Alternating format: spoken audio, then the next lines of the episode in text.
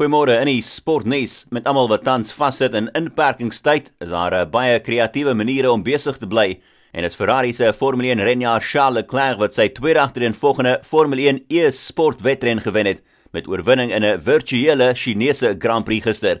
Die 22-jarige Ferrari renjaer het verlede seisoen agtereenvolgende regte lewe wedrenne gewen in België en Italië en gister het hy voorweg gespring en eers oor die wenstreep gejaag selfs wat hy gedoen het 2 weke gelede toe hy sy debuut gemaak het tydens 'n virtuele Vietnamese Grand Prix.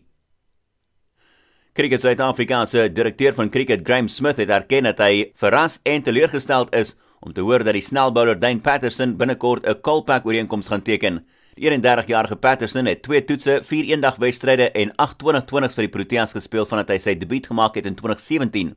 Intussen het Cricket Suid-Afrika se uitvoerende hoof, Jacques Val, dit duidelik gemaak dat daar nie veel is wat hulle kan doen om spelers te hou nie. People leave on their own accord. You know, nobody forces a player to take a contract abroad as well. So that's the first decision. Uh, and and you know, it is sad coming from a Titans environment. If you, if you really list the players they've lost over, you know, a couple of years, um, I, I can imagine that coaching staff's not not happy with it. But I'm not sure what we can do from a national side. I mean, you can communicate with people can even indicate to them that um, you know they they are in in consideration. Um, but it is very very difficult